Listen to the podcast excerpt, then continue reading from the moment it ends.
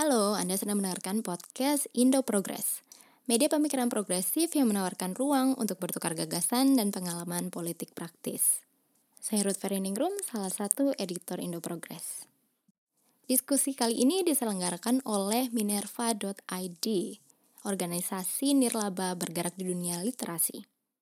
Pokok perbincangan kali ini adalah buku saku Indo Progress yang berjudul Buruh Feminisme, Media, Digital, dan Demokrasi, serta mempertanyakan nasib pekerja online perempuan. Selamat mendengarkan. Selamat malam kawan-kawan uh, dari Candu Buku, kemudian dari Minerva ID.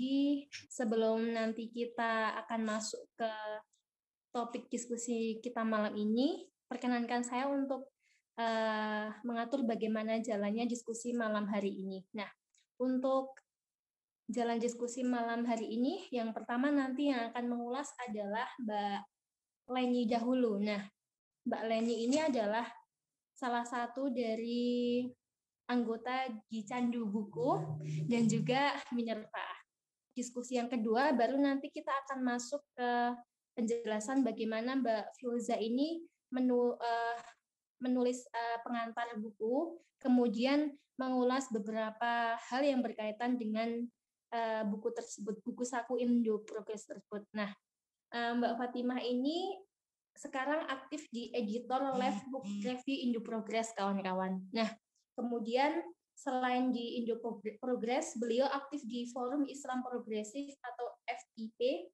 Kemudian uh, beliau juga bekerja di peneliti politik perburuhan di LIPI uh, pendidikan terakhir beliau ini di SWAS University of London begitu. Nah, nah langsung saja saya serahkan ke Mbak Leni.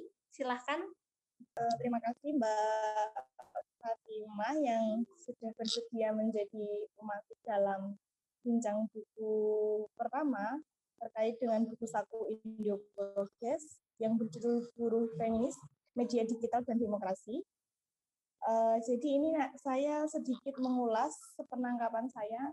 Uh, nanti semisal ada kesalahan maupun kekurangan, mohon diluruskan begitu ya Mbak Fatimah. Ya, uh, langsung saja. Ini hasil ulasan saya dari buku sakunya Indo Progress. Ada beberapa slide yang saya pahami seperti itu. Nah, yang pertama, eh, beberapa tahun belakangan banyak sekali perusahaan-perusahaan yang beralih kepada aplikasi digital dan menjamur di Indonesia. Misalnya munculnya Grab, kemudian eh, Gojek, Shopee, dan lain-lain. Kemudian perubahan industri digital yang dalam hal ini didukung dengan sebutan industri kreatif yang akhirnya berdampak pada penyerapan tenaga kerja sebenarnya setelah membaca kata pengantar ini kita juga langsung bisa uh, sedikit mempunyai gambaran terkait isi dari buku satu buku satu ini. Nah, dalam buku ini setidaknya membahas terkait empat hal. Yang pertama, posisi kelas pekerja di era digital platform atau disebut dengan istilah cyber proletariat. Kemudian yang kedua, terkait dengan pemahaman permasalahan ada typo, mohon maaf, permasalahan di era platform kapitalisme atau ekonomi kreatif.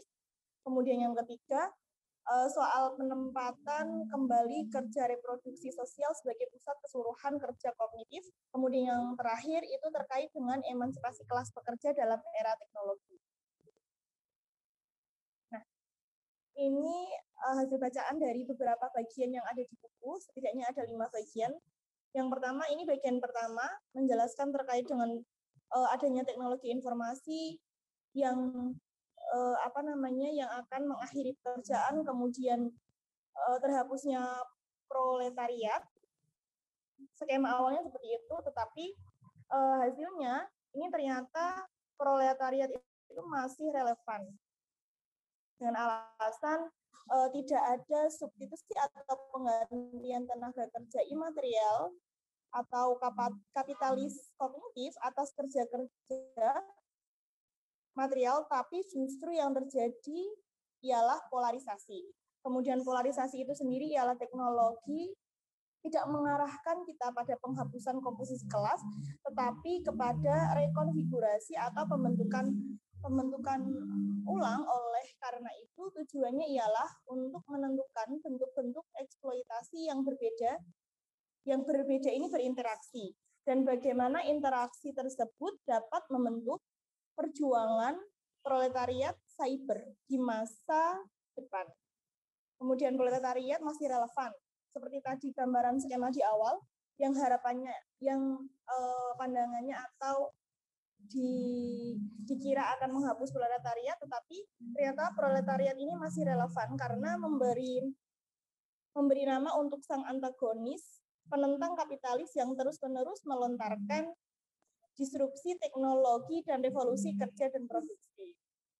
Kemudian eh, di dalam bagian ini ini tidak tidak sekedar membahas tentang serikat buruh dan negara uh, kesejahteraan bukan hanya soal persyaratan memberikan upah upah hidup bagi para pekerja tapi pada akhirnya sebuah bentuk sebuah bentuk yang sangat manusiawi ialah penghalang yang berusaha diatasi oleh kaum kapitalis yang disebut di sini disebut sebagai serangan cybernetic.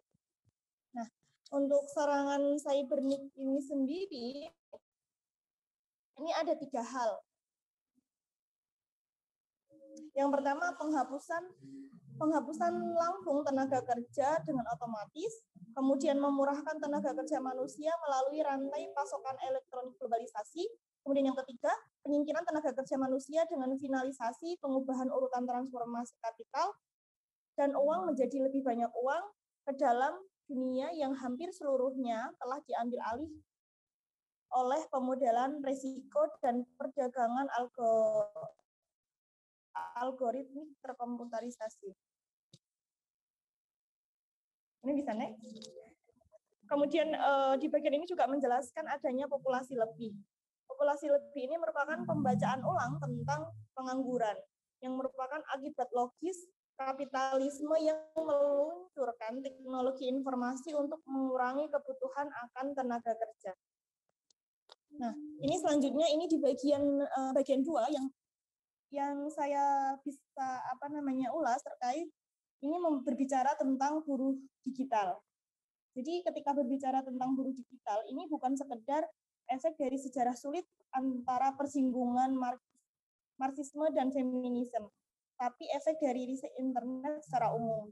Kemudian eh, bagi perempuan dengan perempuan dan orang berkulit kulit berwarna tidak akan pernah ada ruang yang tidak yang tidak dibentuk oleh kapitalis yang padanya melekat logika patriarki dan rasisme. Jadi bagi sebagian bagi perempuan dan sebagian orang yang berkulit ber, berkulit berwarna ini uh, tidak pernah tidak pernah ada ruang yang tidak terbentuk dari adanya kapitalisme. Kemudian eksploitasi pekerja material yang di dalamnya ada tanda kutip hanya terjadi ketika keluar dari dapur dan masuk ke internet. Ini terjadi pada laki-laki hetero, kulit putih, kelas menengah, dan kapitalis, terutama ketika maskulinitas dan kekulit putihan melekat pada pekerjaan.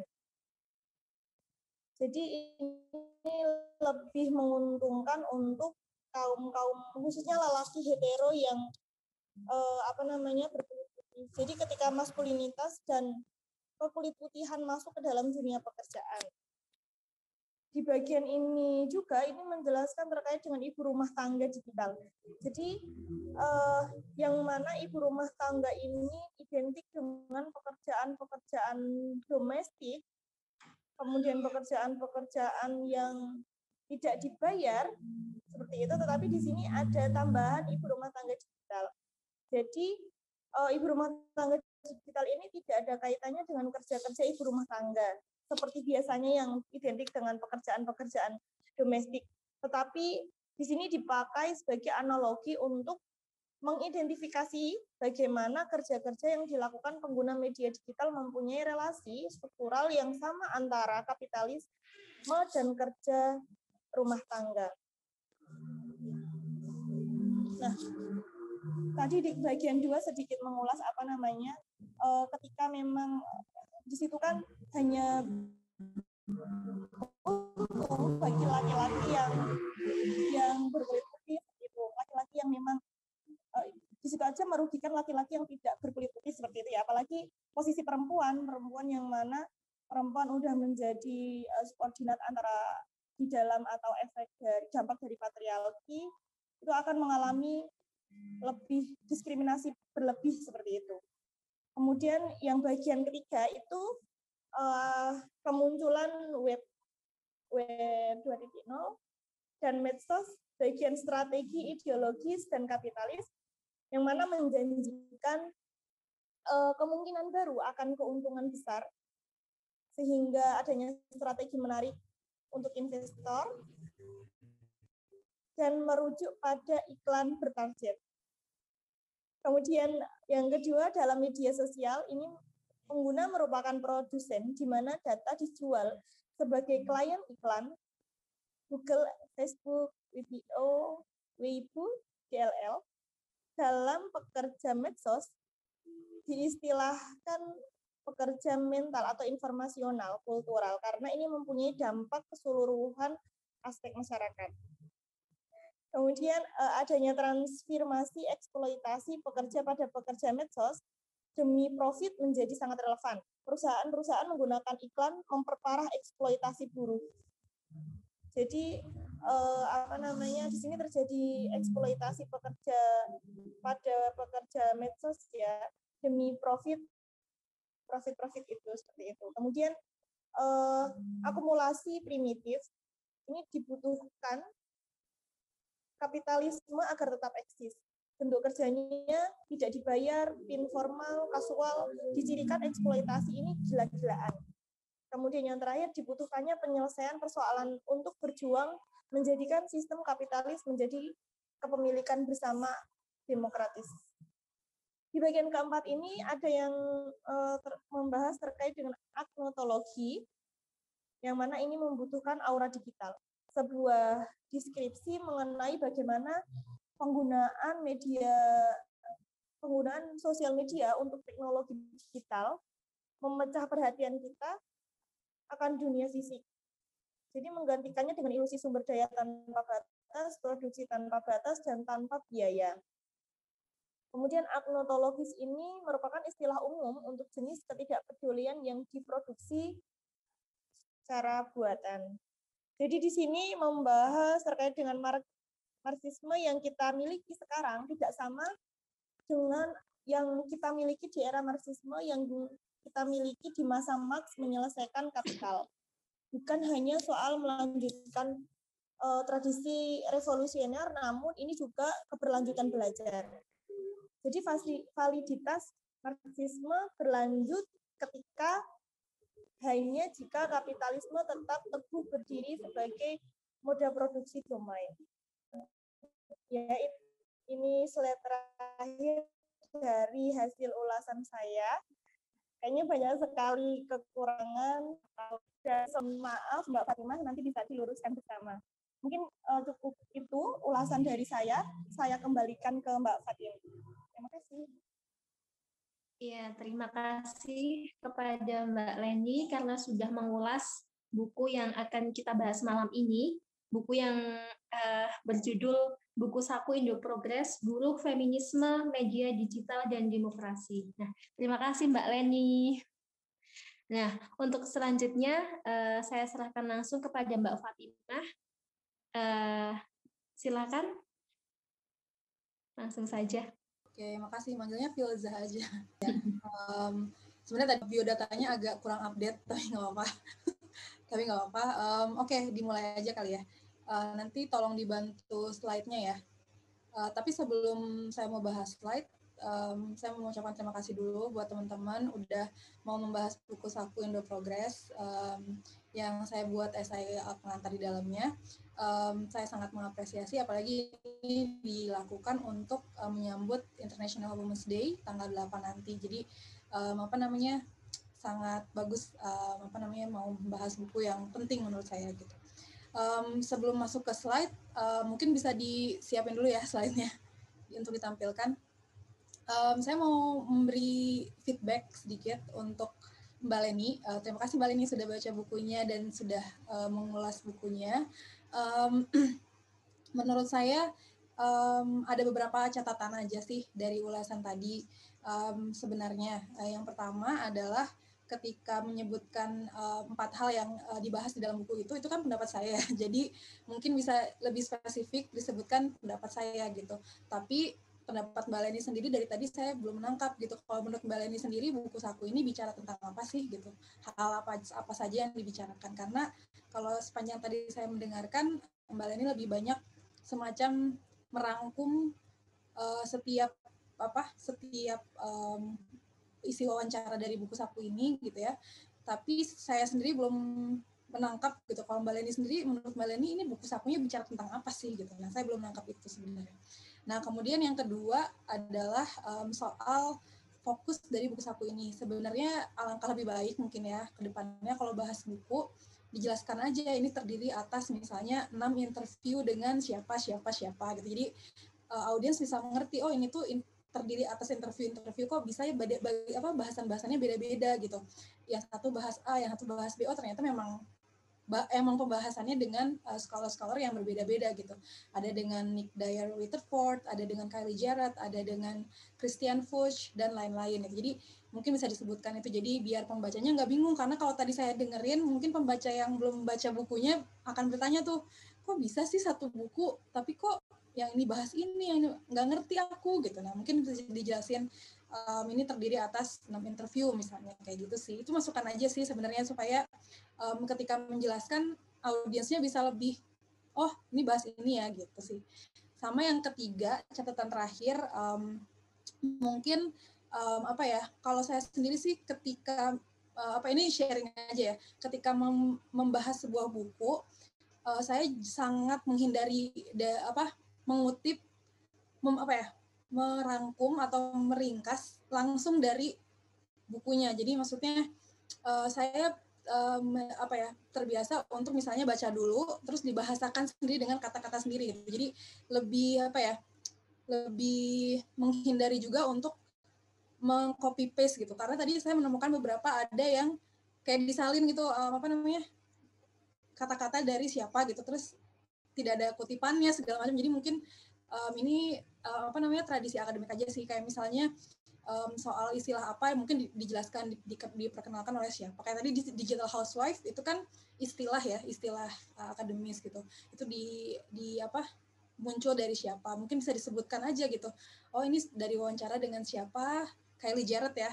Dengan Kylie Jarrett gitu ya. Terus um, apa dia memperkenalkan istilah namanya digital housewife gitu kan. Jadi orang bisa lebih oh ini tuh bukan dari jangan sampai orang anggap itu saya yang nulis atau gimana karena kan um, apa namanya nggak belum dijelaskan kan siapa siapa saja yang bicara soal apa kayak gitu. Mungkin itu yang yang apa ya menurut saya ter, mungkin terlihat sepele gitu ya tapi sebenarnya itu krusial supaya um, audiensnya nggak salah paham itu aja sih.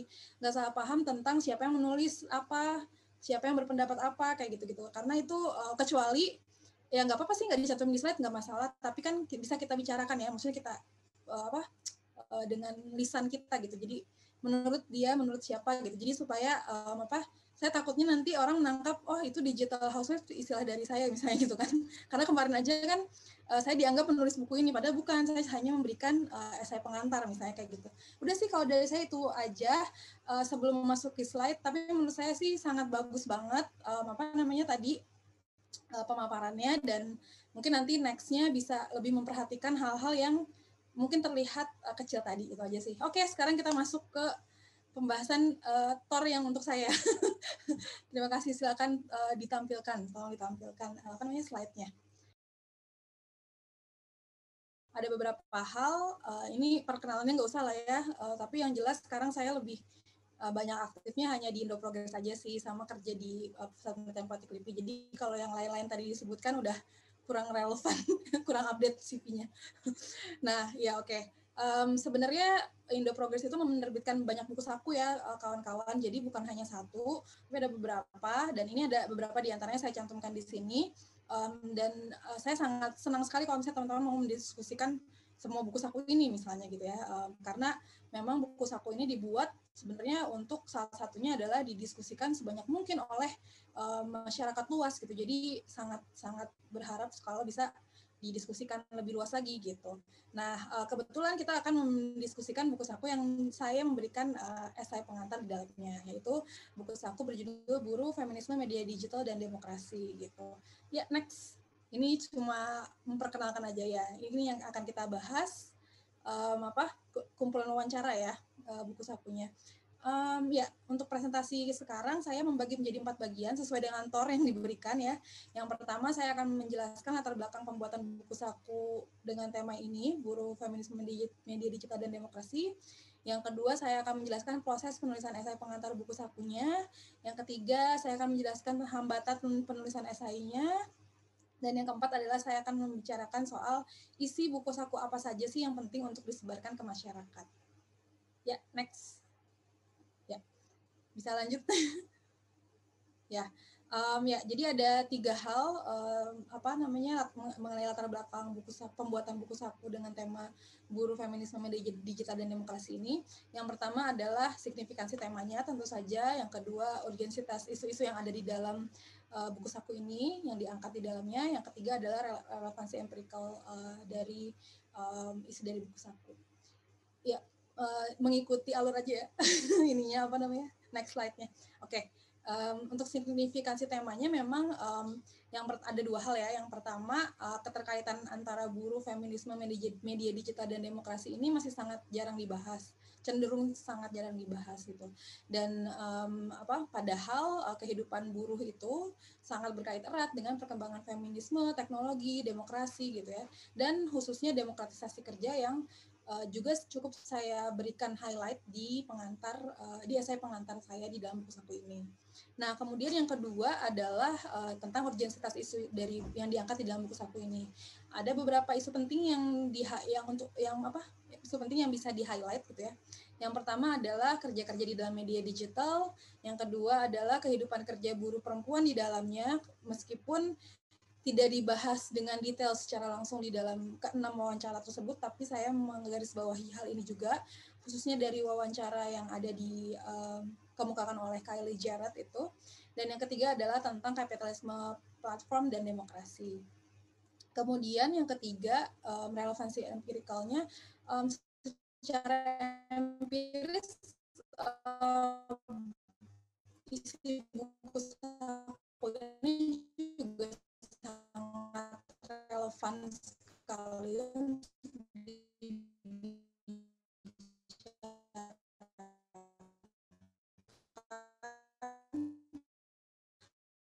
lebih uh, kalau kita melihat riset-riset tentang kehidupan para pekerja era ekonomi gitu ya misalnya terus pakai relevansi empiricalnya itu seperti apa gitu.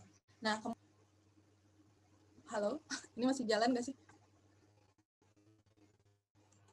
Masih mbak. Um, mungkin bisa next slide. Ah ya oke. Okay di saya so, mungkin jaringan saya yang kurang proses penulisan esainya sendiri untuk pengantarnya ada tiga proses utama yang saya lakukan yang pertama tentunya membaca naskah buku sakunya ya uh, enam wawancara tersebut gitu yang sudah apa dibuat gitu ya oleh editor uh, buku saku ini yaitu uh, kawan kun Ponto um, dan yang kedua adalah membu menuliskan pengantar secara akademis. Um, kemudian uh, yang ketiga adalah um, uh, terhadap pengantar yang sudah nah itu ditulisnya secara akademis gitu. Nah ini yang penting juga untuk diketahui sih sebenarnya. Next slide. Next, next. Apa di saya yang nggak jalan ya? Uh, oh ya, udah. Um, ya, yang tadi yang kenapa penting untuk menulis pengantar secara akademis. Um, yang pertama sebenarnya fungsi dari pengantar itu sendiri di dalam buku-buku saku Indo Progress semua ya bukan hanya yang ini ada uh, adalah untuk memberikan konteks umum dari isi bukunya gitu dibicarakan di dalam buku saku gitu. Dan yang kedua adalah memberi gambaran mengenai isi buku saku. Jadi tadi uh, yang apa yang seperti saya berikan feedback tadi ya uh, memang tujuannya untuk memberikan gambaran kira-kira uh, apa sih highlight dari buku saku yang akan dibaca oleh pembaca gitu. Dan yang ketiga adalah memberikan stimulan untuk diskusi lebih lanjut. Jadi um, apa fungsi dari apa pengantar ini juga adalah untuk memicu perdebatan juga sebenarnya gitu. Uh, benar nggak sih yang dibilang sama pengantar itu gitu atau enggak um, kira-kira tema apa lagi ya yang bisa digali lebih lanjut dari setelah membaca pengantar dan membaca isi buku sakunya kayak gitu dan memang ada kelebihannya ya eh, kenapa pengantar di buku saku Indo Progres itu ditulis secara akademis. Yang pertama adalah karena dapat dipertanggungjawabkan secara ilmiah tentu saja. Jadi um, dengan menulis secara akademis itu bukan um, apa bukan opini gitu ya, tapi uh, dia adalah uh, scientific based jadi bisa dipertanggungjawabkan dan yang kedua adalah dapat menunjukkan signifikansi dan relevansi tema serta isu-isu yang diangkat di dalam buku saku kayak gitu. Uh, next nomor tiga ya. Nah, hambatan penulisan esai dalam pengantar buku saku ini buat saya pribadi sih, next, nggak ada. Kok bisa? Ya soalnya saya yakin dengan uh, tadi ya, dengan signifikansi temanya, dengan organisasi isunya, dengan relevansi empirikalnya. Jadi cenderung nggak ada lah gitu. Kecuali mungkin hambatan yang umum lah kayak misalnya menyesuaikan waktu tapi itu saya nggak nganggap hambatan sih segala macam dan jadinya saya mengerjakannya memang dengan penuh semangat dan dedikasi jadi nggak ada ya senang aja gitu memang um, apa saya senang um, membahas kalau saya meyakini apa yang um, saya bahas itu penting gitu. Jadi ya udah nggak ada sih kalau soal hambatan. Nah terakhir apa sih isi buku saku yang uh, penting untuk disebarkan ke masyarakat? Sebenarnya tadi udah sedikit banyak disinggung juga oleh mbak Leni. Jadi saya hanya menambahkan aja ya uh, mungkin highlight-highlight uh, yang penting. Uh, yaitu semuanya penting apa aja gitu. Setidaknya ada lima hal utama ya yang mungkin bisa di apa ya mulai digencarkan untuk disebarkan lah didiseminasikan kepada masyarakat luas. Uh, yang pertama next slide. ya boleh belum muncul. Nah yang pertama adalah soal kerja-kerja dan media digital uh, biasa yang yang apa yang biasanya itu sering kali diluput dari pembahasan secara umum gitu ya. Jadi uh, misalnya hubungan antara kerja material dan imaterial gitu. Nah jadi um, di dalam beberapa wawancara di dalam buku saku ini persoalan ini cukup banyak disorot ya, terutama di tulisannya Christian Fuchs sama Nick Dyer uh, Witterford um, apa namanya hubungan uh, antara kerja-kerja yang material dan imaterial ini gitu. Sebenarnya kalau kita mau membaca secara lebih mendalam, misalnya secara Marxis, gimana kita membaca ini ada di buku saku Indo Progress yang lainnya yang membongkar tentang ini. Uh, mungkin teman-teman bisa kembali lagi ke slide yang awal tadi uh, yang buku saku yang gambar buku saku banyak. Nah ini sebenarnya ada juga dibahas lebih mendalam secara Marxis tuh gimana sih membacanya gitu ya. Itu ada di buku saku yang next eh sebelumnya previously um, yang ya lagi yang gambar banyak. Saya mau menunjukkan juga biar mungkin kalau teman-teman mau bahas. Nah yang ini yang yang kelima dari kiri yang mengenal perbedaan kerja teralienasi digital, digital labor dan kerja um, umum digital atau digital work. Nah, di situ dibahas dengan lebih detail ya tentang tentang hal tadi juga gitu. Jadi mungkin kalau teman-teman next mau bahas itu bagus banget. Ya udah balik lagi ke slide yang tadi. sorry sorry ini cuma kayak untuk ngasih gambaran bahwa yang nggak ada yang lengkap dalam semua buku satu nggak nggak dalam satu buku itu nggak membahas semua hal. Jadi teman-teman bisa kalau mendalami bisa misalnya baca itu salah satunya gitu. Um, yang kedua adalah tentang tadi konsep digital uh, housewife yang dikemukakan oleh Kylie Jarrett tadi uh, dan kerja-kerja reproduktif di dalam media uh, digital gitu. Nah sebenarnya apa yang disebut, dengan digital housewife ini kalau menurut Kylie Jarrett kan apa dia dia ingin mem, mem, apa ya mengasosiasikan kerja-kerja domestik dengan kerja-kerja apa para audiens uh, produser di dalam uh, media digital itu gitu. Jadi kita sebagai pengguna media sosial misalnya gitu ya, kita itu seperti housewife dia ibaratkan gitu kan. Karena kita melakukan kerja-kerja reproduktif tapi sebenarnya juga nggak nggak dianggap sebagai melakukan kerja gitu. Persis seperti kerja domestik uh, atau kerja reproduksi sosial yang dilakukan oleh sebagian besar perempuan di seluruh dunia gitu ya. Mereka melakukan kerja-kerja di dalam rumah tangga unpaid work gitu dan tidak dianggap sebagai kerja. Nah sebenarnya itu istilah untuk mengasosiasikan itu gitu. Dan juga um, yang perlu di highlight lagi adalah kaitannya tadi ya yang konsepsi yang dibilang oleh um, apa Kylie Jarrett itu dengan kerja-kerja reproduktif dalam media digital. Nah sebenarnya uh, konsep tentang kerja-kerja reproduktif dalam media digital ini terhampar di dalam semua hampir semua wawancaranya ya gitu ya, semua keenam wawancara uh, dari uh, apa scholar yang berbeda-beda ini gitu ya. Cuma memang yang saya highlight di pengantar adalah um, memang ini um, kalau saya bilang belum terlalu apa ya, belum terlalu di dalam gitu ya oleh uh, apa dalam wawancara itu. Jadi makanya saya uh, cantumkan lagi di dalam mengantar gitu. Bahwa uh, kerja-kerja reproduktif di dalam media digital ini juga perlu menjadi, mendapatkan sorotan gitu. Um, dan memang saya juga mengaitkan dengan riset saya sendiri gitu ya di uh, tentang peker, peker, para pekerja um, apa di toko daring berbasis media sosial atau atau yang kita bisa kenali misalnya mereka yang membuka um, apa toko online di Instagram atau di Facebook atau di Twitter atau di media platform media sosial lainnya misalnya gitu ya. Nah mereka semua kan melakukan kerja-kerja reproduktif, um, tapi juga um, apa namanya sering kali dilupakan sebenarnya uh, apa hubungan kerjanya, konsep kerjanya um, itu seperti apa gitu, kayak gitu. Jadi um, itu ya yang perlu di highlight gitu. Nah yang selanjutnya adalah tentang internet demokrasi dan perjuangan kelas. Nah ini juga di highlight terutama di bagian wawancara dengan Christian Fuchs um, itu um, apa namanya dia menyoroti juga ya tentang uh, bagi demokrasi dan perjuangan kelas gitu ya di, di di dalam era media digital ini gitu. Dan um, apa namanya seiring dengan apa ya semakin meningkatnya uh, teknologi perkembangan teknologi ini tidak di apa ya tidak dapat dipungkiri gitu ya bahwa internet ini sudah menjadi um, salah satu Eh, medium gitu ya untuk uh, banyak rakyat termasuk rakyat pekerja gitu ya untuk melakukan uh, perlawanan gitu dan me, me, apa, media untuk perjuangan kelas. Jadi itu juga yang disorot gitu. Um, dan yang keempat adalah hubungan kerja dalam uh, dalam ekonomi ini juga sangat banyak dibahas terutama di wawancara yang akhir-akhir ya. Saya lupa namanya. Um, itu sangat dibahas banyak dibahas juga. Kalau nggak salah oleh Michael uh, Beacon Beaconcourt ya kalau nggak salah. Nah, itu juga dia bahas banyak uh, tentang hubungan kerja di dalam gig ekonomi yang um, apa yang merentankan pekerjanya gitu ya. Jadi uh, apa para pekerja di dalam uh, ekonomi ini hubungan kerjanya ya masih makin rentan karena um, apa berbagai faktor yang dia jelaskan gitu ya. Salah satunya adalah kalau yang saya sebut di pengantar uh, buku saku ini uh, faktor adanya hubungan uh, partnership yang mengilusi uh, hubungan kerja misalnya kalau saya kasih contoh ilustrasi um, di Uber atau di um, apa aplikasi ride hailing kayak um, Gojek, Go Gokar dan lain-lain gitu ya, apa Grab segala macam itu kan selalu disebut uh, para pengemudinya itu adalah mitra dari perusahaan itu padahal bukan mitra tapi pekerja gitu. Nah ada tujuan untuk um, apa mengelabui apa ada tujuan untuk menyebut mitra tadi gitu yaitu untuk mengelabui hubungan kerja tadi gitu.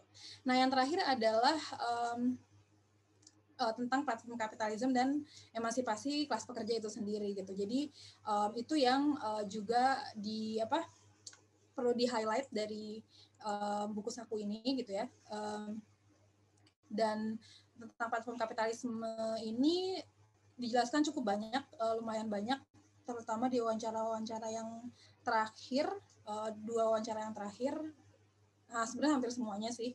Uh, dan um, bicara soal kreativitas juga, bicara soal bagaimana kelas pekerja mungkin mengambil alih platform-platform yang ada di dalam uh, kapitalisme ini untuk kepentingan uh, kelas pekerja itu saya nulisnya platform kapitalisme ya, sorry itu salah salah ketik. um, bentar, uh, tapi nggak bisa dibenerin ya. Oke. Okay. Dan juga kaitannya dengan emansipasi kelas pekerja juga gitu. Jadi itu sih uh, yang perlu di highlight. Next. Nah, ya, saya mau bilang adalah dunia yang baru itu mungkin. Jadi um, sebenarnya inti dari uh, buku saku ini itu juga ingin bilang bahwa um, apa namanya di era digital ini gitu ya, um, selain banyaknya eksploitasi dan lain, tapi peluang untuk mengorganisir, peluang untuk menciptakan dunia yang baru itu juga mungkin terbuka lebar gitu. Itu sih sebenarnya. Udah selesai pemaparan dari saya. Terima kasih banyak. Uh, ya silakan uh, kalau mau berteman di media sosial add aja. Udah. Uh, Oke, okay, terima kasih Umi dan Fatim. Udah selesai. Ya. Oke, okay, terima kasih untuk Mbak Filaza karena tadi sudah mengulas bagaimana uh, proses pengerjaan esai ya Mbak ya, esai pengantar dari buku tersebut. Nah, uh, untuk selanjutnya mungkin akan saya langsung buka sesi tanya jawab ya. Nah, di sini akan dibagi menjadi dua sesi. Termin yang pertama saya beri uh, kesempatan bagi kawan-kawan yang mau uh, bertanya kepada Mbak Filza maupun nanti bisa disambung sama Mbak Eleni itu ya. Uh, sesi yang pertama silakan untuk dua orang penanya. Ya, um, terima kasih Mbak Filza sama Mbak Leni atas pemaparannya sangat menarik sekali ya tadi. Uh, jadi saya ingin uh, sharing sedikit kenapa kita mengangkat buku ini gitu kan. Buku saku ini yang pertama tentu saja um, karena saya pikir penting bagi kita semua untuk memahami bagaimana sebenarnya uh, dunia seka, dunia kita sekarang ini ya terbentuk uh, dari pola produksi kapitalisme yang semakin masif, semakin apa ya bertransformasi ke dalam berbagai bentuk termasuk dalam dunia digital yang saya saya lihat cenderung tidak banyak disadari gitu ya yang pertama mungkin itu. Nah, yang kedua soal bu spesifik buku ini karena kesulitan saya sendiri untuk mencerna buku ini gitu ya. Mungkin itu yang uh, juga di uh, apa di alami oleh Mbak Leni dalam membaca buku ini gitu. Karena memang menurutku perlu berulang kali untuk bisa memahami maksud dan bahkan saya pun yang kadang-kadang masih masih belum bisa mencerna ini maksudnya apa eh, istilah-istilah yang mungkin bagi kita asing gitu ya. Dan tema-tema uh, yang mungkin dalam satu wawancara tertentu itu tidak satu tematik tapi beberapa hal dibahas gitu. Misalnya dalam uh, wawancara yang di bagian pertama ada dibahas soal uh, bagaimana gerakan gerakan media sosial, gerakan sosial seperti um, yang ada di Facebook atau Twitter dan lain sebagainya itu ada juga di wawancara yang kedua dan saling berkaitan. Nah menurutku itu menarik karena um, dari situ kita bisa melihat dari uh, beberapa pandangan penulis tersebut bagaimana sih melihat uh, apa digital strike atau uh, aksi yang ada di media sosial itu berpengaruh gitu. Dan yang uh, sedikit highlight mungkin di Christian Fuchs di situ dia menyatakan ada dialektika antara uh, dunia nyata dan dunia daring gitu kan luring daring dan kita nggak bisa mengabaikan uh, aksi jalanan dengan hanya mengandalkan uh, aksi media sosial.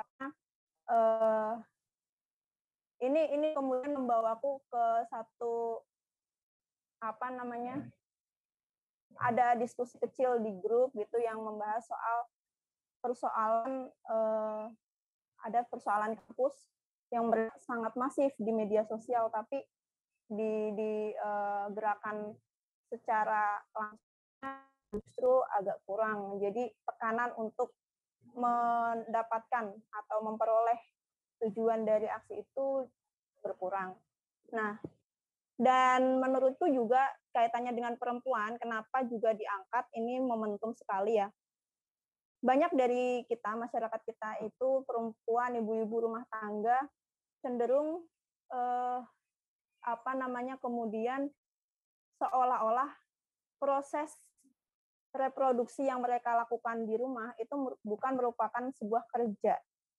Dan oleh karena itu diberikan kerja tambahan sampingan istilahnya di dalam dunia online. Dan itu banyak sekali terjadi.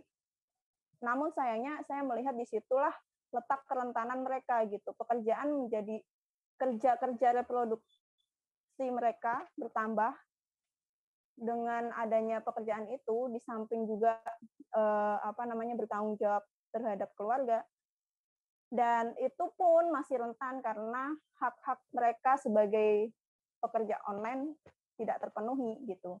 Nah, saya tertarik kalau uh, sama tulisannya Mbak Filzah yang membahas soal pekerja online itu juga mungkin itu uh, yang mendorong saya untuk mengusulkan ayo kita undang Mbak Filzah untuk diskusi ya. Uh, gimana sip, untuk sip. mendorong untuk mendorong uh, apa adanya serikat pekerja online gitu seperti yang terjadi di Amazon. Aku nggak tahu uh, di situ dorongan soal serikat pekerja yang uh, diusulkan oleh Mbak Filzah sebagai sebuah desakan untuk uh, bisa memperoleh apa yang seharusnya menjadi hak pekerja online itu secara uh, teknis sebagai bagaimana gitu. Uh, sementara kita nggak tahu nih um, apa namanya hukum aja di negara ini seperti tidak melihat mereka sebagai uh, salah satu pekerja ya. Kalau kita di UU ketenaga kerjaan juga ya belum spesifik juga mengang, me, menganggap pekerja online ini bagian dari uh, buruh yang mestinya mendapatkan hak-hak misalnya jam sostek dan lain sebagainya. Ini seperti kita uh, apa namanya menguntungkan. Ini hal-hal yang sebenarnya lebih banyak menguntungkan si pemilik uh, pemilik alat produksi, pemilik uh, platform dan kayak yang uh, memiliki barang tersebut. Artinya kayak reseller-reseller gitu kan seharusnya mereka juga mendapatkan hak sebagaimana orang-orang yang mengiklankan uh, barang orang lain gitu ya. Nah, di situ saya mulai berpikir kalau kita menciptakan serikat pekerja uh, untuk online ini tuh model mobilisasinya seperti apa? Aku belum bisa membayangkan di aku makanya uh, mungkin Mbak Firza bisa berbagi seperti apa sih kalau di Amazon yang kemudian katanya uh, berhasil dengan uh, tuntutan mereka. Mungkin itu.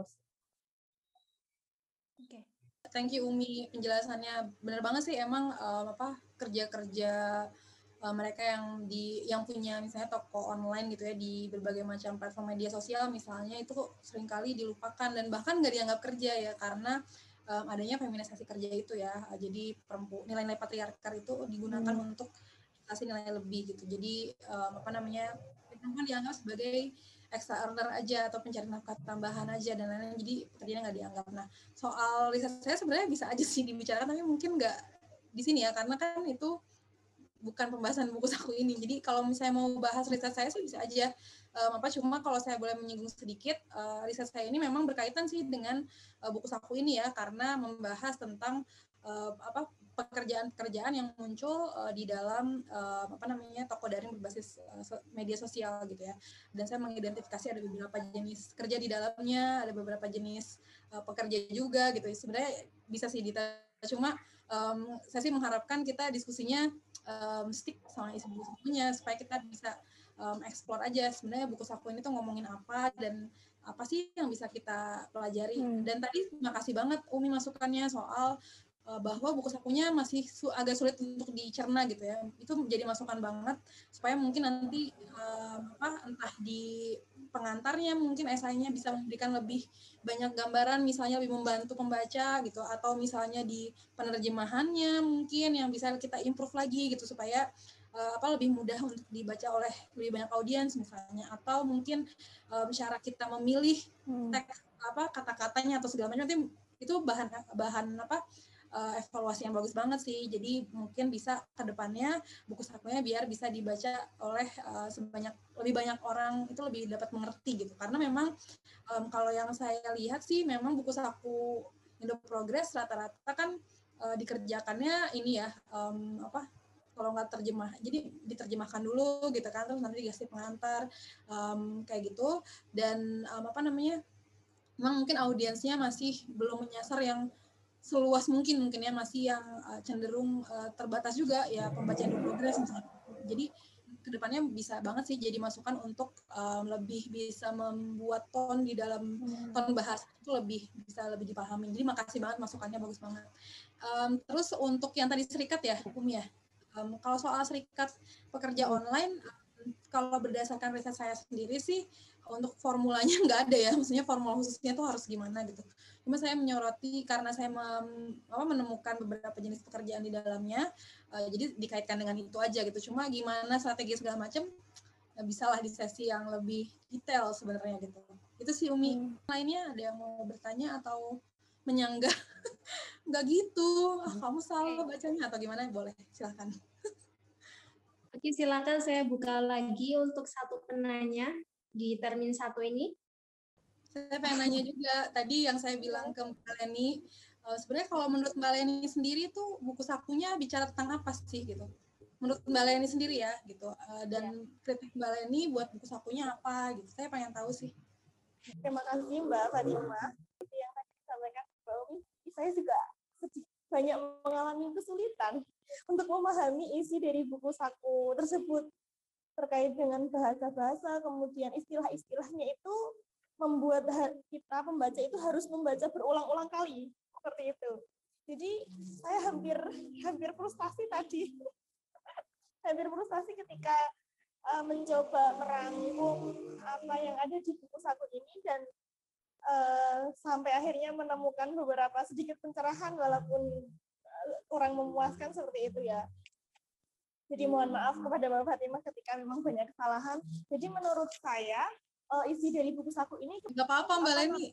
Semua pengen tahu aja pendapat Mbak Leni. Ya. Santai, santai. Uh, apa namanya isinya itu lebih banyak membahas terkait dengan teknologi informasi.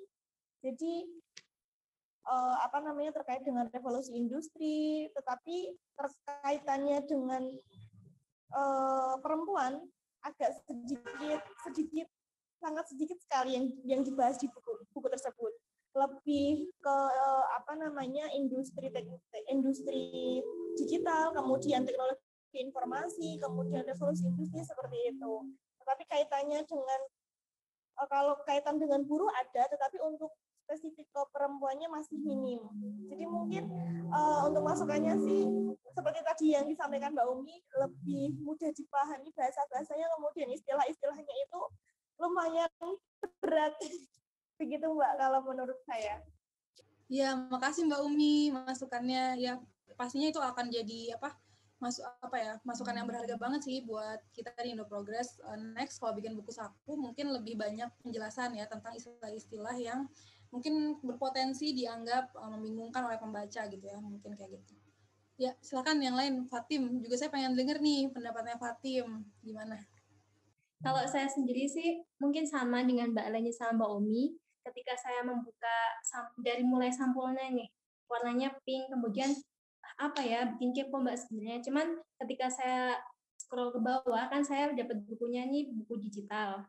Bukan yang buku asli begitu ya uh, saya baca itu kok bukunya uh, ya memang su cukup sulit untuk dipahami. Tapi uh, saya di sini itu uh, hanya membaca uh, tulisan dari Mbak Filza aja. Nah dari tulisan Mbak Filza aja saya sudah cukup uh, merasa kebingungan gitu loh.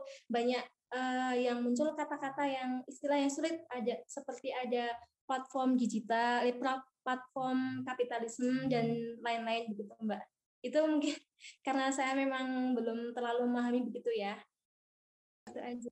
Terima kasih Fatim. Iya benar sih memang um, apa sebenarnya kan um, apa penulis yang baik itu harusnya bisa menjelaskan ke audiensnya itu istilah-istilah yang susah jadi mudah gitu. Nah itu memang perlu dilatih terus ya. Dan saya sih uh, inginnya bisa kayak gitu gitu. Uh, misalnya platform kapitalisme itu harus bisa dijelaskan semoga semua orang itu apa gitu. Saya sih pengennya bisa gitu. Nanti uh, apa mungkin di next buku saku uh, akan diusahakan kayak gitu ya. Jadi masukannya sangat bagus banget dan memang um, apa uh, terkadang uh, tapi dengan catatan juga ya dengan beberapa catatan terkadang tuh memang um, dalam satu buku gitu ya nggak cuma buku saku aja tapi semua buku deh gitu. Ada hal-hal yang memang kita bikin kita berkerut gitu, bikin kita bingung gitu. Karena memang itu tujuannya misalnya untuk kita mempelajari lebih dalam tema itu misalnya itu segala macam gitu. Jadi um, sementara sementara itu gitu bisa juga sambil kita mencari-cari juga gitu ya ini sebenarnya yang maksud apa. Dan memang um, salah satu tujuannya juga itu ya untuk menggali keingintahuan kita gitu. Sebenarnya apa sih yang dimaksud dengan ini? Kok kayak ribet banget ini? Coba saya cari yang lain kira-kira yang lain ngomong apa? Mungkin kayak gitu juga sih. Jadi ada dua sisi itu ya kalau menurut saya sih gitu. Halo assalamualaikum. Boleh ikut uh, ini ya uh, ngobrol tapi mohon maaf videonya belum bisa ditampilkan, Mbak.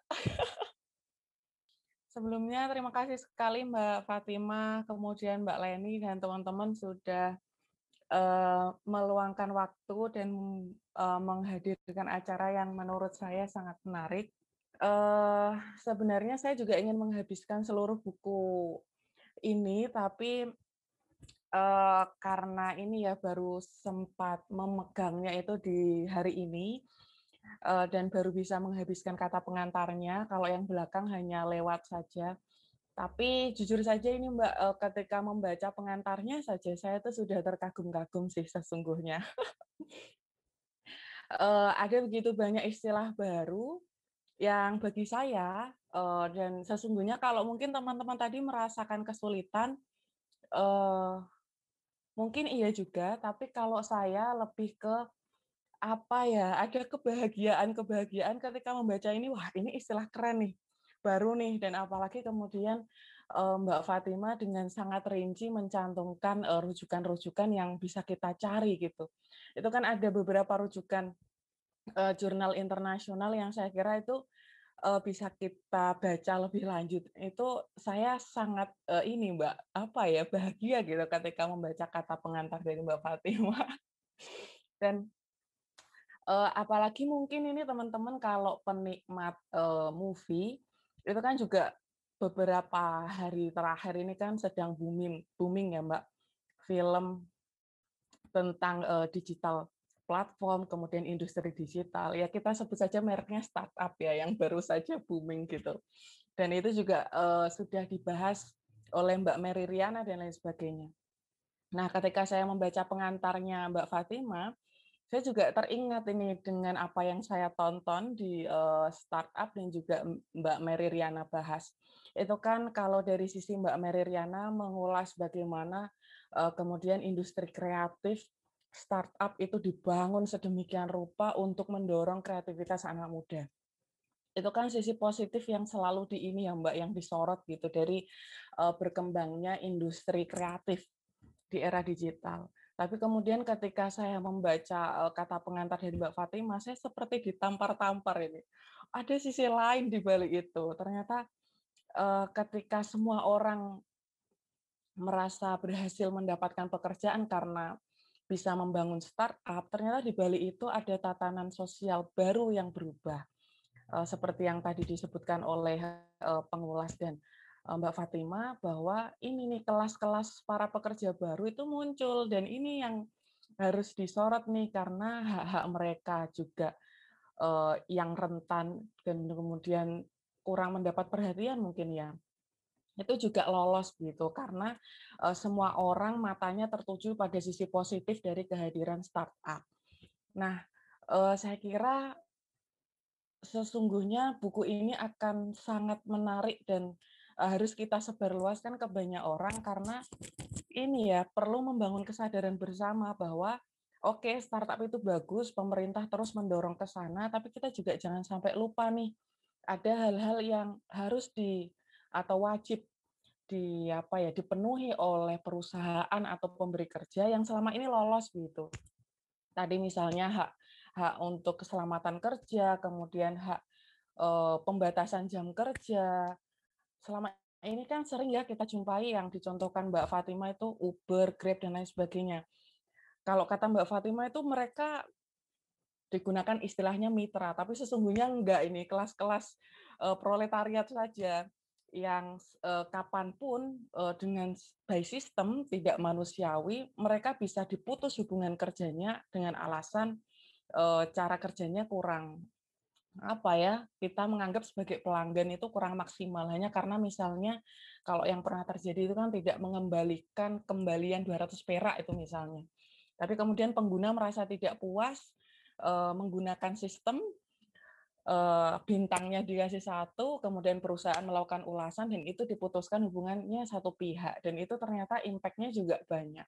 Nah ini ternyata banyak sekali hak-hak yang terabaikan Nah, tadi juga Mbak Umi itu sudah menyampaikan, oh ini uh, apa perlu nih kayaknya kalau membuat serikat buruh untuk yang online juga nih dan lain sebagainya. Nah, uh, memang ini sih kalau saya pribadi setelah membaca baru kata pengantarnya saja, terima kasih Mbak Fatima, sangat membuka mata.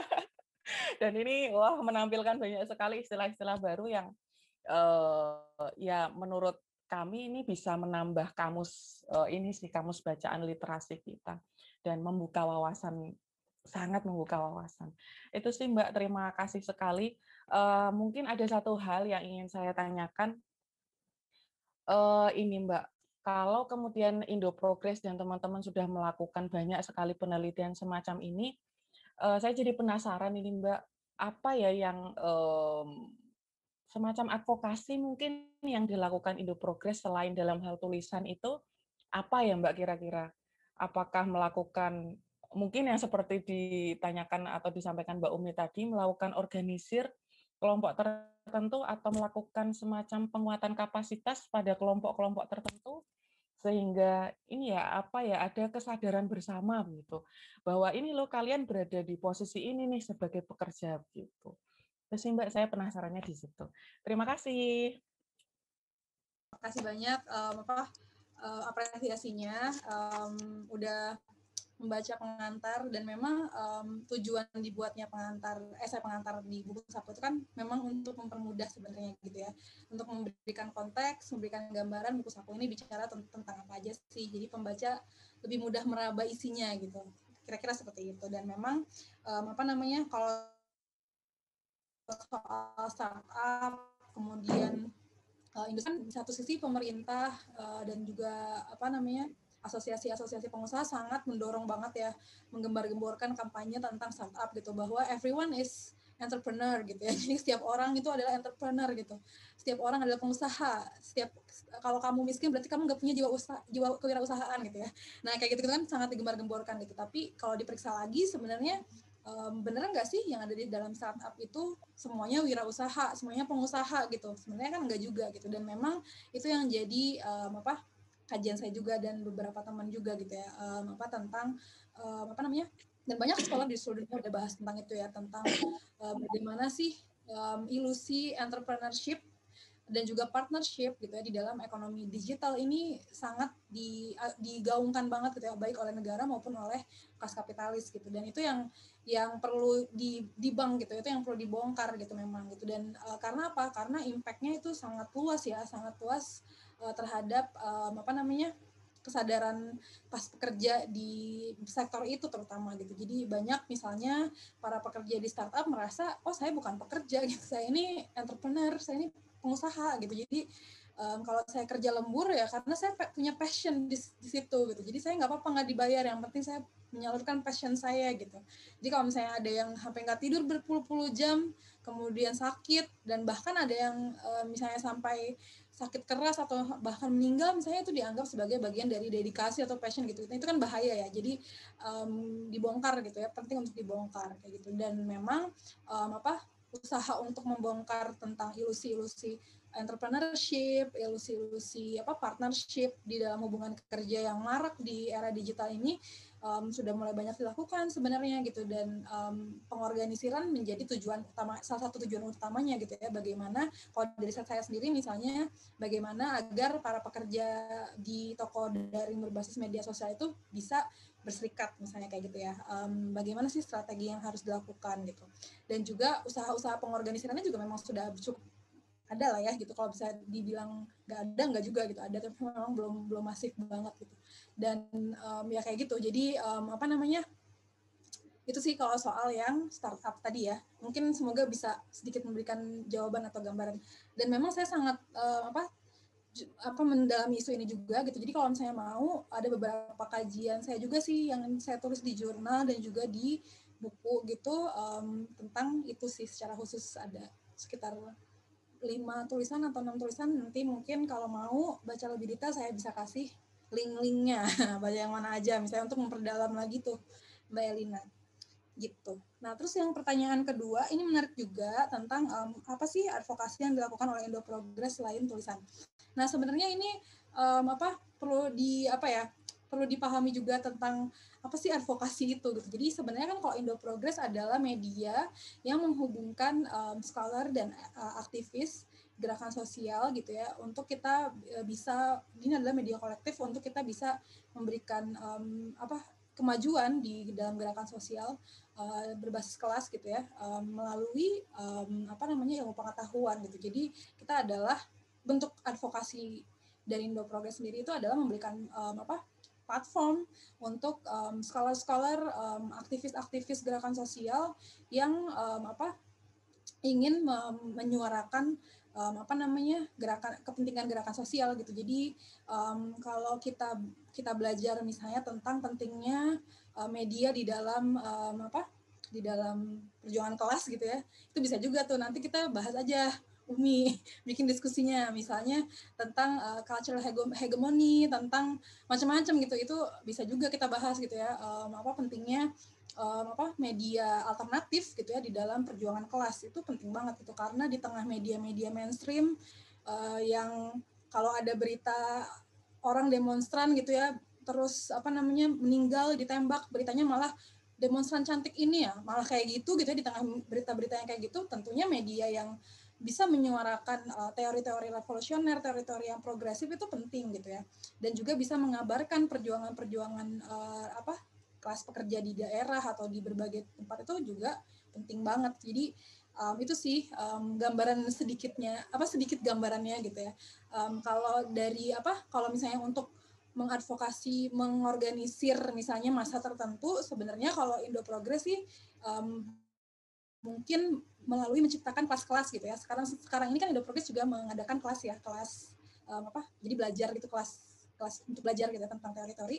Nah mungkin teman-teman juga bisa daftar gitu dan uh, kami juga akan um, apa melakukan beberapa hal lah yang tidak bisa di sharing banyak juga. Maksudnya um, apa mengorganisir seperti apa di mana tapi yang jelas um, ya media itu sendiri bisa uh, apa uh, sebagai media yang Progres sendiri adalah um, alat untuk um, berjuang juga gitu. Jadi itu yang perlu dilihat ya gitu. Kalau misalnya um, apa yang konkretnya misalnya mengadvokasi di mana gitu um, mungkin awak-awak dari Indo Progresnya sendiri yang banyak melakukan itu gitu ya. Tapi kalau misalnya secara apa organisasinya misalnya gitu um, apakah melakukan GR gitu atau ya, apa ya misalnya melakukan apa gitu ya uh, ya nggak nggak seperti itu karena uh, apa perjuangannya adalah tadi ya uh, di medianya itu sendiri. Dia sebagai alat uh, untuk memberikan platform itu sendiri kayak gitu. Jadi um, gitu sih kalau jawaban dari saya. Nanti mungkin kalau uh, teman-teman tertarik untuk diskusi soal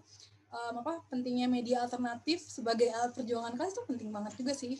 Um, apa namanya untuk di supaya pengertian advokasinya itu juga lebih luas gitu. Nggak cuma sebagaimana yang dipahami secara tradisional misalnya gitu. Gitu sih. Itu saran aja kayaknya menarik sih kalau untuk diperbincangkan ya karena kan sekarang udah mulai banyak ya bermunculan media-media alternatif um, apa dan itu menarik sih untuk diperbincangkan menurutku sih.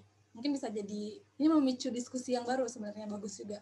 Ide untuk diskusi lanjutan. Gitu Fatim. Kurang lebih begitulah Mbak Elina. Iya silakan. Uh, Mas Fatan mungkin nih yang udah on video nih. Atau tadi saya lihat yang selalu standby videonya ini ada namanya Mas Ahmad mungkin mau ikutan. Kalau tema seperti ini kan terkait yang disampaikan terakhir Mbak media alternatif.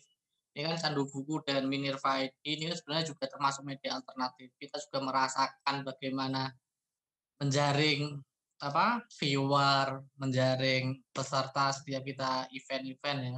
Kita kan fokusnya di beasiswa buku. Kemudian saat review-review buku yang memang agak-agak progresif itu memang pembacanya agak berkurang karena beban bacaannya agak berat. Walaupun ya buku pop itu malah ngangkat atau seperti itu. Nah alternatif itu juga pernah ada Minerva mendapat tulisan ya karena kita fokusnya ke review buku ada buku tentang perempuan tapi berbau seksis. Itu saya rasa kalau kami di redaksi Minerva ini salah satu bentuk advokasi yang tidak tradisional tadi ya seperti itu. Menolak tulisan-tulisan yang punya kecenderungan untuk seksis kecenderungan yang tidak membawa isu-isu perempuan yang progresif. Untuk pekerja online ini kan memang sangat sulit ya karena ini terkait juga struktur ekonomi. Kemudian sebagai dunia ketiga kita belum punya karena ini juga ada diskursus tentang hak paten kita tidak ada transformasi teknologi kita dunia ketiga hanya dikasih teknologinya membuat ya isu-isu perempuan tertinggal, kemudian ada hak-hak terabaikan pekerja di sektor dunia digital ini sebenarnya tidak boleh kita kaget karena ini hal-hal yang sangat wajar. Tapi kita beruntung masih ada apa orang-orang yang lihai ya menangkap isu ini untuk diperbincangkan dan saya juga sekilas cuma baca pengantar dari buku ini memang perlu hal-hal seperti ini lebih dibahasakan lebih populer. Saya rasa Mbak Riza juga sudah berusaha untuk melakukan itu. Tapi kalau yang lain merasa berat, memang ini butuh bacaan-bacaan. Ini kan buku saku nih. Sepertinya juga perlu dibuat buku saku untuk buku saku. Kadang-kadang ada buku pengantar yang temanya berat itu kan dibuat buku pengantar. Tapi dari buku pengantarnya itu pun juga berat. Ini bukan salah siapa-siapa. Ini karena memang proses-proses pengetahuan, karena ini teman-teman yang juga masih muda dan saya rasa di usia muda bertemu dengan isu-isu seperti ini akan menjadi investasi besar di gerakan perempuan ke depan. Mungkin itu dari saya, Mbak. Iya, iya, ya benar-benar benar banget sih. Um, apa namanya? Um, nggak bisa dipungkiri emang kadang-kadang uh, ada buku-buku yang butuh penjelasan lebih lanjut gitu ya. Dan Oh iya, saya tadi lupa bilang um, soal pengorganisiran ini ya. Jadi kita kan uh, kami di Indo Progress lagi bikin uh, reading club gitu ya. Nah mungkin ke depan kita bisa bareng kerja sama bareng nih sama Minerva gitu ya, sama tadi satu candu buku ya, bikin uh, reading club bareng misalnya dengan Indo Progress itu bisa banget karena um, apa untuk baca buku bareng-bareng uh, itu lebih memudahkan sebenarnya. Misalnya bacaan yang berat-berat gitu ya. Kalau misalnya dibaca sendiri pasti akan terasa kayak aduh apaan sih? Udah tutup aja gitu. Tapi kalau misalnya bareng-bareng dibagi-bagi misalnya terus didiskusikan mungkin akan lebih mudah lagi gitu jadi saya uh, berharap mungkin ke depannya malah kita bisa kerjasama gitu ya untuk uh, apa namanya uh, bikin reading club bareng gitu. Kayak gitu sih. Jadi um, emang ini sih Mas Ahmad um, bener sih kadang-kadang uh, apa bahasanya tadi butuh buku saku untuk buku saku. Itu lucu sih tapi ya memang bener ya.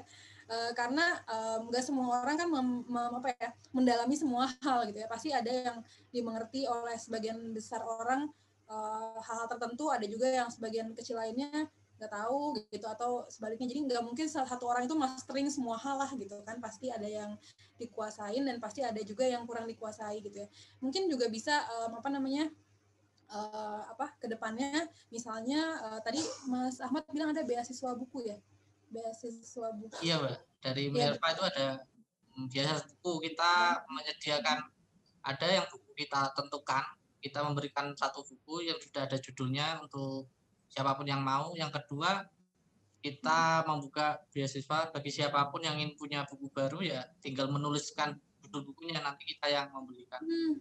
Ya itu bagus banget sih um, apa jadi menstimulus banyak orang untuk bikin review buku gitu ya karena memang uh, bener sih review buku itu terlihat gampang gitu ya, cuma isinya aja apa. Sebenarnya sebenarnya susah juga gitu review buku itu karena kita harus bisa menjelaskan kan isi bukunya apa gitu kan, tapi juga di luar itu kita memberikan opini kita gitu kan, pandangan kita terhadap buku itu gitu. Jadi memang uh, wah ini bagus banget gitu. Dan saya malah jadi kepikiran nih Mas Ahmad mungkin dari Minerva bisa tuh kirimin misalnya uh, review buku kiri ke Indo Progress gitu misalnya gitu. Nanti um, apa kita kerja sama aja gitu di beasiswa buku itu kan bisa juga tuh um, kalau ada yang mau ngirim nanti uh, dikasih beasiswa buku tadi. Itu menarik banget sih. Jadi um, apa namanya bisa menstimulus orang untuk lebih mau baca minimal gitu kan ya. Kalau review buku kan mau nggak mau harus baca. Kayak gitu kan. Jadi bagus banget itu aja tanggapannya Mas Ahmad bingung mau nanggapin apa lagi oh ya tadi sebelum uh, lupa tadi kan Mbak Leni bilang di dalam buku sakunya uh, justru kurang membahas aspek feminismenya gitu ya kalau nggak salah. Iya mbak. Iya benar. Iya benar ya. Tadi. Uh, ya. Tadi mbak ini bilang gitu. Ya benar sih saya juga merasakan seperti itu gitu ya uh, dari enam wawancara misalnya yang, yang cukup mengulas soal-soal perempuan secara lebih spesifik kan hanya wawancara dengan Kylie Jarrett itu ya dia membahas uh, tentang privilege laki-laki kulit putih dan bagaimana perempuan itu selalu disingkirkan deh gitu. Nah itu memang hanya di satu wawancara ya cenderung meskipun di yang wawancara-wawancara lainnya ada sedikit disinggung gitu ya. Dan memang um, justru itulah yang saya berusaha tampilkan di pengantar esainya gitu. Jadi eh, sebenarnya gitu sih um, apa namanya memang kalau kalau kita baca nuansa feminismenya itu kalau di dalam wawancara-wawancaranya hanya kita temukan di yang wawancara dengan Kylie Jared itu ya. Itu sebenarnya sih jadi emang uh, saya juga mengakui gitu ya kalau yang lain-lain memang cenderung kurang bahas uh, tentang feminisme itu sendiri gitu sebenarnya. Hmm. Jadi saya setuju dengan pendapatnya Mbak Leni tadi ya. Ya. Gitu. Udah kayaknya semua udah saya tanggap ini. gitu. Silakan lanjutkan Fatim. Oke, masih ada slot satu lagi untuk satu penanya. Silahkan nih yang lain yang baru gabung mungkin.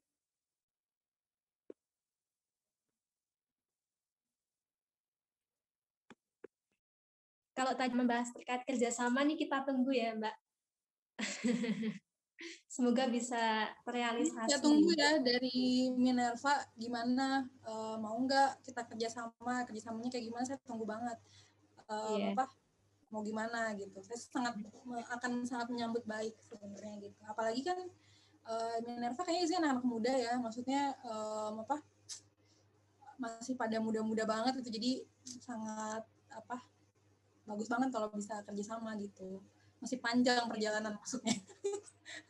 Iya Mas Ahmad Muksid ini foundernya Mbak Reza. Oke okay, ya.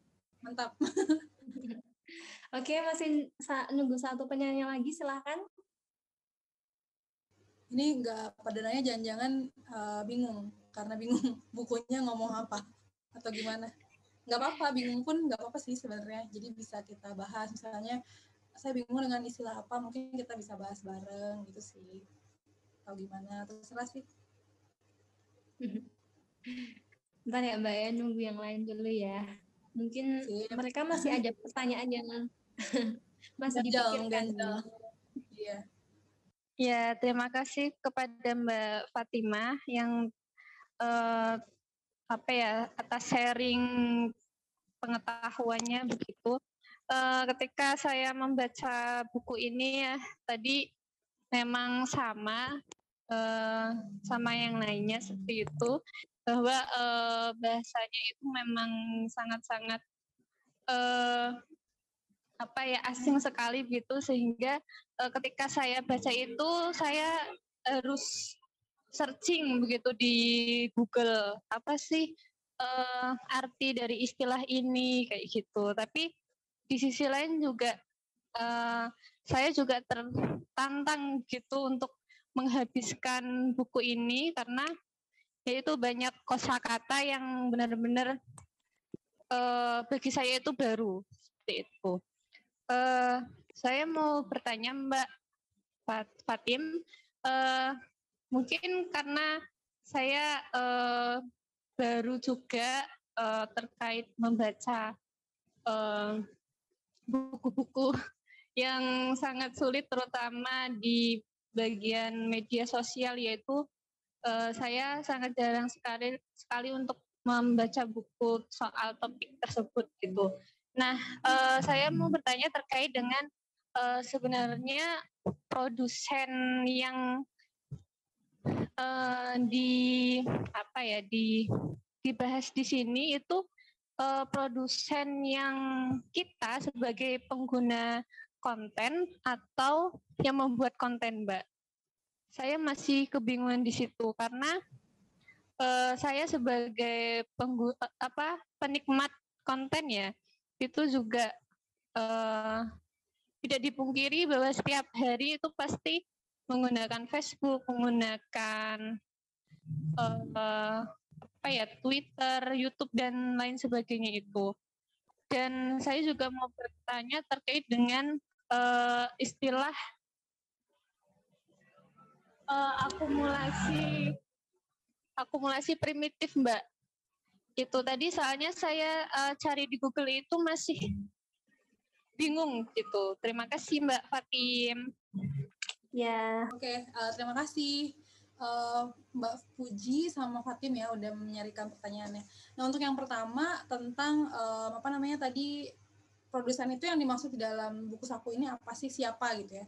Jadi kalau yang saya baca uh, di dalam buku saku ini yang disebutkan oleh, bentar saya cek dulu, oleh Christian Fuchs ya, ini maksud produsen ini adalah kita sebagai pengguna media sosial. Jadi aktivitas kita itu um, misalnya di media sosial di Instagram terus di Twitter dan lain-lain meskipun kita nggak bikin konten gitu ya aktivitas kita melike konten orang gitu atau kita memberikan komen gitu-gitu tuh adalah itu yang dimaksud oleh Fuchs di situ sebagai produsen jadi nggak mesti si pembuat konten gitu jadi misalnya uh, kasih contoh saya punya Instagram gitu ya. Saya nggak mesti upload foto gitu ya atau apa posting story gitu ya. Tapi saya melike uh, postingannya Umi sama Fatim misalnya gitu ya. Di Instagram itu adalah konten adalah mem, apa memproduksi algoritma gitu kan jadinya. Nah itu yang dimaksud oleh Christian Fuchs itu itu gitu. Jadi um, kita sebagai pengguna uh, media sosial gitu. Nah uh, semoga menjawab ya. Jadi itu yang bukan kayak Atta Halilintar gitu yang bikin bukan hanya itu tapi kita sendiri sebagai pengguna uh, yang nonton juga itu adalah di, yang dimaksud oleh Christian Fuchs sebagai produsen itu sendiri gitu. Cuma makanya itu dikritikkan oleh uh, bukan kritik makanya itu jadi objek kritik gitu oleh Kylie Jenner yang tadi di Digital Housewife itu kita sebagai pengguna uh, internet gitu ya kita uh, melakukan kerja-kerja seperti housewife gitu ya yang yang reproduktif yang yang tidak dibayar gitu ya uh, di dalam uh, internet dan media sosial kayak gitu. Jadi ada hubungannya gitu. Nah, kemudian yang kedua tentang akumulasi primitif. Uh, sebenarnya ini konsep um, yang sangat apa ya dasar gitu ya di dalam ekonomi politik Marxis uh, itu sendiri. Uh, kalau Marx bilang akumulasi primitif itu adalah dosa asali dari kapitalisme gitu. Apa sih akumulasi primitif? Akumulasi primitif adalah perampasan um, apa alat-alat produksi dari tangan um, kalau dulu itu dari tangan para petani gitu ya petani pemilik tanah gitu. Jadi perampasan tanah misalnya gitu ya, perampasan alat-alat produksi gitu ya dari para pekerja itu uh, disebut dengan akumulasi primitif kayak gitu. Gampangnya seperti itu gitu. Nah, tapi kalau penjelasan detailnya ada juga gitu dan uh, mungkin bisa dipelajari di Minerva mungkin nanti membahas secara detail konsep akumulasi primitif bisa juga gitu. Cuma gampangnya seperti itu di, di apa perampasan alat-alat produksi dari tangan um, apa produsen gitu ya oleh uh, untuk segelintir orang atau kelas kapitalis kalau sekarang gitu. Jadi itu sih penjelasannya. Semoga menjelaskan ya Mbak Puji. Karena kalau mau menjelaskan apa yang lebih elaboratif lagi, bisa juga sih kita bikin aja sesinya um, ekonomi politik gitu. Nanti kita bahas um, akumulasi primitif uh, dan perkembangannya sampai sekarang, misalnya bisa juga sih. Termasuk kalau data-data kita yang ada di media sosial itu kan kita memberikan kontribusi buat si pemilik platform untuk dijual atau jadi modal buat mereka buat uh, apa para pengiklan gitu ya mbak ya kita nonton iklan yeah. aja bisa menghasilkan nilai buat mereka gitu iya yeah. iya yeah, jadi kayak kalau misalnya teman-teman pernah nggak sih ngalamin misalnya um, apa ya uh, tiba lagi mikirin hmm. pengen makan apa tiba-tiba di Instagram muncul hmm. iklan tentang makanan itu gitu ya itu karena algoritmanya algoritma searchingan kita itu di Instagram men-searching misalnya tteokbokki gitu ya itu akan dibaca tuh sama uh, platformnya sama si Instagram gitu kan. Jadi itu kita menyumbang apa menyumbang nilai gitu ya ke situ gitu. Yang kita nggak sadari gitu. Makanya tadi kan ada istilah digital housewife tadi gitu. Gitu sih gampangnya. Jadi um, apa ya sebenarnya dikasih kok ilustrasinya ya. Tadi benar kata Umi kayak gitu. Jadi um, lumayan di meskipun memang um, mungkin contoh-contohnya masih belum terlalu dekat mungkin ya dengan keseharian kita ya. Nggak ada contoh konkret kayak misalnya tadi yang saya bilang Instagram Story atau Instagram iklan di Instagram misalnya atau apa misalnya contohnya kayak gitu sih. Gitu. Tapi kalau misalnya uh, tadi pertanyaan Mbak Puji soal apa um, akumulasi primitif uh, memang sih disinggung di dalam buku ini. Cuma itu kan yang di apa ya yang dipakai itu untuk uh, apa penerapan dari konsep akumulasi primitif itu, primitif itu sendiri kan gitu. Tapi kalau definisinya memang nggak disebutkan dengan detail ya di dalam buku sapu ini gitu. Makanya uh, kalau mau diskusikan tentang apa sih akumulasi primitif, benar nggak sih um, apa namanya um, istilah um, apa namanya akumulasi primitif ini udah berkembang lebih lanjut jadi um, accumulation of dispossession misalnya atau apa benar nggak sih kayak gitu atau jadi mungkin ada pembahasan lebih lanjut juga bisa sih gitu. Mungkin di diskusi yang berbeda. Gitu. Boleh mbak lain kali kita bikin diskusi soal ini. Membahas uh, terutama ya kalau secara definisi mark seperti apa akumulasi primitif yang dulu dan didefinisikan buku apa sih yang rekomendasi buat uh, memahami akumulasi primitif dalam konteks hari ini gitu. Oke. Okay. Terutama dalam hal media digital. Kalau untuk akumulasi primitif sih yang klasik yang harus banget dibaca awal-awal tentunya kapital ya. Um, apa yang oleh Marx karena dia jelasin soal itu di situ. Terus um, buku-bukunya David Harvey um, sebenarnya itu perdebatan sih apakah misalnya accumulation by dispossession itu bentuk dari akumulasi uh, primitif yang kekinian gitu atau gimana. Dan juga um, apa buku-buku tentang kalau terkait sama media digital mungkin yang tadi saya sebut ya buku saku yang tentang yang tadi saya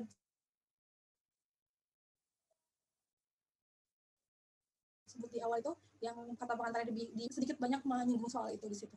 Jadi mungkin itu sekitar buku-buku itu dulu aja rekomendasinya. Umi? Siap makasih Mbak ntar dicari dulu. Sama Minerva juga seperti juga bikin niru itu mbak bacaan liar di Indo Indo Progress ya. Jadi harapannya nanti ya. Iya mbak. Kirim dong, kirim dong bacaan liarnya. Ke maksudnya kita juga itu kan ada beberapa ya wawancara terakhir kan ada rekomendasi. Jadi di Minerva ini juga ada penulis-penulis yang harapannya punya spesialisasi tema. Jadi dia mereview 10 buku ya temanya sama sehingga ada pengetahuannya ya semakin spesial di bidang itu dan kita hmm, juga mampu mantap, mantap. merekomendasikan di tema-tema tertentu buku-buku yang bagus ya mulai dari yang bisa dikatakan sebagai pengantar sampai yang paling berbobot. Ya keren, aku dukung sih mas. Uh, apa namanya? Uh, kalau banyak yang bikin kayak gitu malah bagus sih. Jadi banyak yang mendalami bidang tertentu, jadi pembaca yang lain juga bisa lebih apa punya referensi ya. Kalau mau mendalami bidangnya itu baca buku apa aja bagus banget sih. Dan juga saya menunggu juga nih dari teman-teman Minerva buat ngirimin bacaan liarnya Kendo Progress juga. Jadi sekalian nih dua tiga pulau terlampaui. Jadi di Minervanya bikin terus kasih juga kirim juga naskahnya Kendo Progress gitu. Uh. Saya ucapkan uh, terima kasih kepada Mbak Filza karena sudah menyempatkan waktunya dan uh, tentunya berbagi ilmu ke kita kita nih saya juga pribadi mendapatkan ilmu baru dari Mbak Goza. Kemudian eh, semoga Minerva Candu Buku bisa eh, berkesempatan lagi untuk mendapatkan ilmu dan berbagi ruang lah dengan Mbak Filza begitu ya. Eh, mungkin cukup sekian diskusi kita malam ini. Mungkin jika ada kesempatan di lain waktu bisa kita sambung begitu. Terima kasih kepada Mbak Filza. Mungkin cukup sekian. Terima kasih. Wassalamualaikum warahmatullahi wabarakatuh.